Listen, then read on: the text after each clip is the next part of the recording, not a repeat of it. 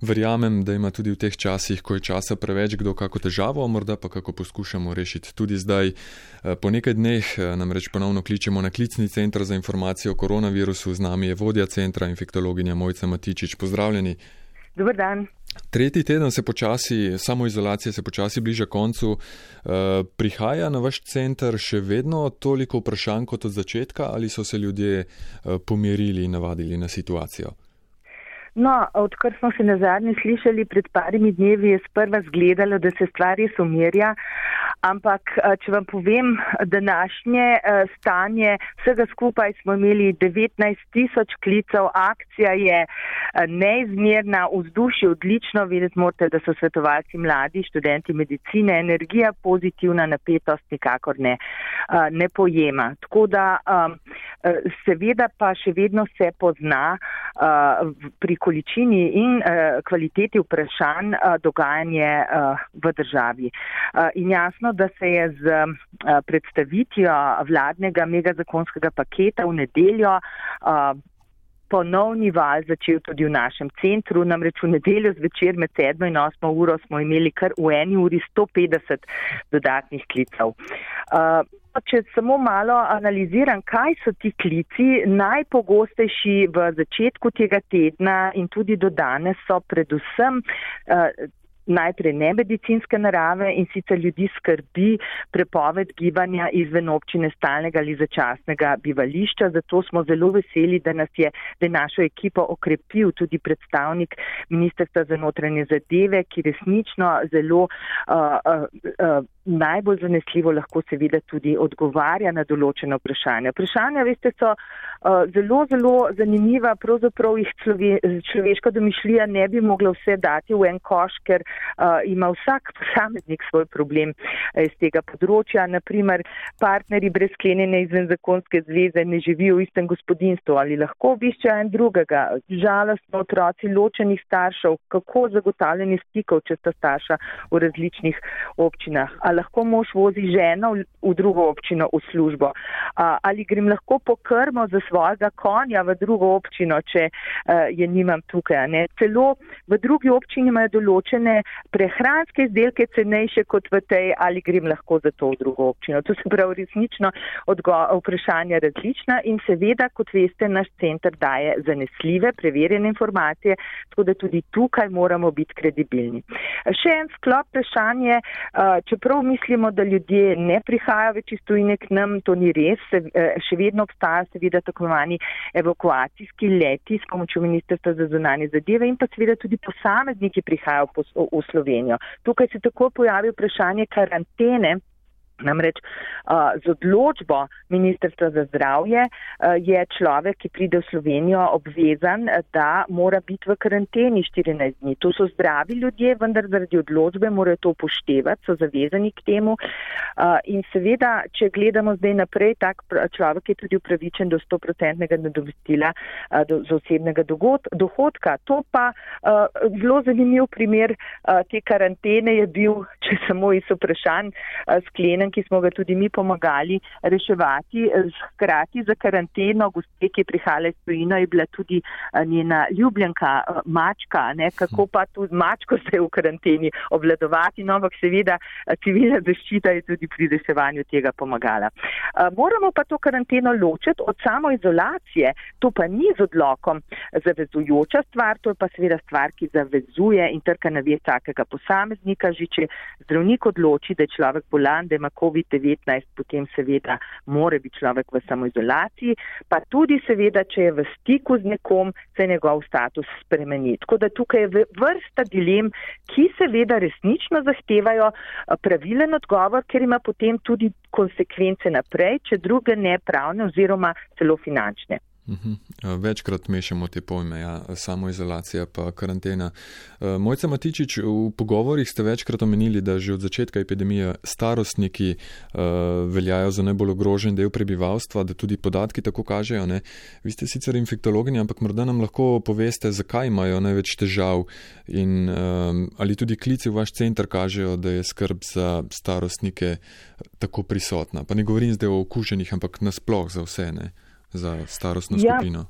Seveda se zelo zahvaljujem za tole vprašanje, ker se veste, v medijih zdaj veliko slišimo o reševanju starostnikov, domovi starejših občanov, ampak pojdimo od začetka. Namreč tako kot če grem na drugi konec življenjskega, življenjske maurice k otrokom, pediatrična medicina ne pomeni enostavno medicino v malem, a ne se otroci so zdravi, se tako rekoč tukaj je malo materijala za urediti se strani zdravnikov. Na isti način tudi to ni res, kajti pediatrija je posebna veja medicine in tako je tudi medicina starejše populacije, ni kar enostavno, kar vsa medicina, vse medicinsko znanje, ki ga poznamo, ampak gre za posebno področje medicine, tako imenovano geriatrično medicino, ki se posebej ukvarja z izboljšanjem funkcionalnega stanja in zdravja populacije tam nekje med 5 in 70 let. No in zdaj, če gremo na področje okužbe starostjo vemo, da tam nekje po 50-60 letu starosti naš imunski odziv začne pešati. Imamo celo strokovni izraz za to, imunosenescenca, staranje imunskega odziva. In seveda, če so temu staranju imunskega odziva zdaj pridružene še razne kronične bolezni, zvišan pritisk, srčno žilne bolezni, kronične pljučne bolezni, sladkorna bolezen in tako dalje, potem je jasno, da bo odziv tega posameznika, naprimer na neko okužbo, bistveno drugačen. Če govorimo zdaj, se postavimo v normalne čase, ne COVID čase, Na infekcijski kliniki seveda sprejemamo veliko starostnikov z okužbami in po vsaki taki težji preboleli okužbi, recimo pljučnici, gripi ali karkoli, starejšemu človeku uh, taka okužba lahko oduzame novo stopničko na njegovi lestvici vitalnosti in biološke sposobnosti. In tako tudi ostane. In če so te okužbe ponavljajoče, nekateri niso več pokretni, nekateri imajo mentalno težave, nekateri ostanejo celo na kisiku, to se pravi, infekt za starejšega človeka lahko zelo nevaren. In zdaj se predstavimo v obdobje COVID. Novi koronavirus je naš nevidni sovražnik, posledice pa vidimo na ljudeh. In edina raziskava na velikem številu okuženih prihaja zaenkrat objavljena iz Kitajske. 44 tisoč okuženih so pregledali in kaj so gotovili? Poprečno smrtnost pri teh 44 tisoč je bila 3,5 odstotka, že to je veliko. Ampak med temi 44 tisoči je bilo 12 odstotkov starejših od 70 let. Kakšna je bila pa med njimi umrljivost? Pri starejših od 80 je 15 odstotkov umrlo, med 70 in 80 let 8 odstotkov. Resnično tudi konkretni dokaz, da je ta populacija zelo, zelo ranljiva. In zdaj, če gremo v Slovenijo, podatke vsak dan slišimo, koliko je okuženih, včeraj 841, med njimi 16 odstotkov takih, ki so bili domov starejših občanov. Tam so resnično starostniki in zaradi tega je vsa so vse moči združene vseh možnih deležnikov v akcijski plan resnično reševanja te populacije starejših starostnikov že samih po sebi, predvsem pa tudi varovancev v domovih starejših občanov. Včeraj je bil posebni krizni sestanek plan je dober, ga poznam, seveda ga je treba še realizirati, zato so potrebni določeni ukrepi. In mhm. mislim, da bodo hitro rejeni. Ampak, če gremo zdaj na naš klicni center, kaj so vprašanja v zvezi s tem? Tako, verjetno je eno od njih, je, ja. ali naj eh, svojci vzamejo domov. Točno, točno. Tudi vi se mogoče sprašujete, za koga. In res je to. Ni A veste, to ni enostaven odgovor in tudi ni enostavna predstavitev posameznika, da vzame svojega svojca domov. Namreč prva stvar je, da starejši so navajeni na enoznačno okolje. To jim veliko pomeni.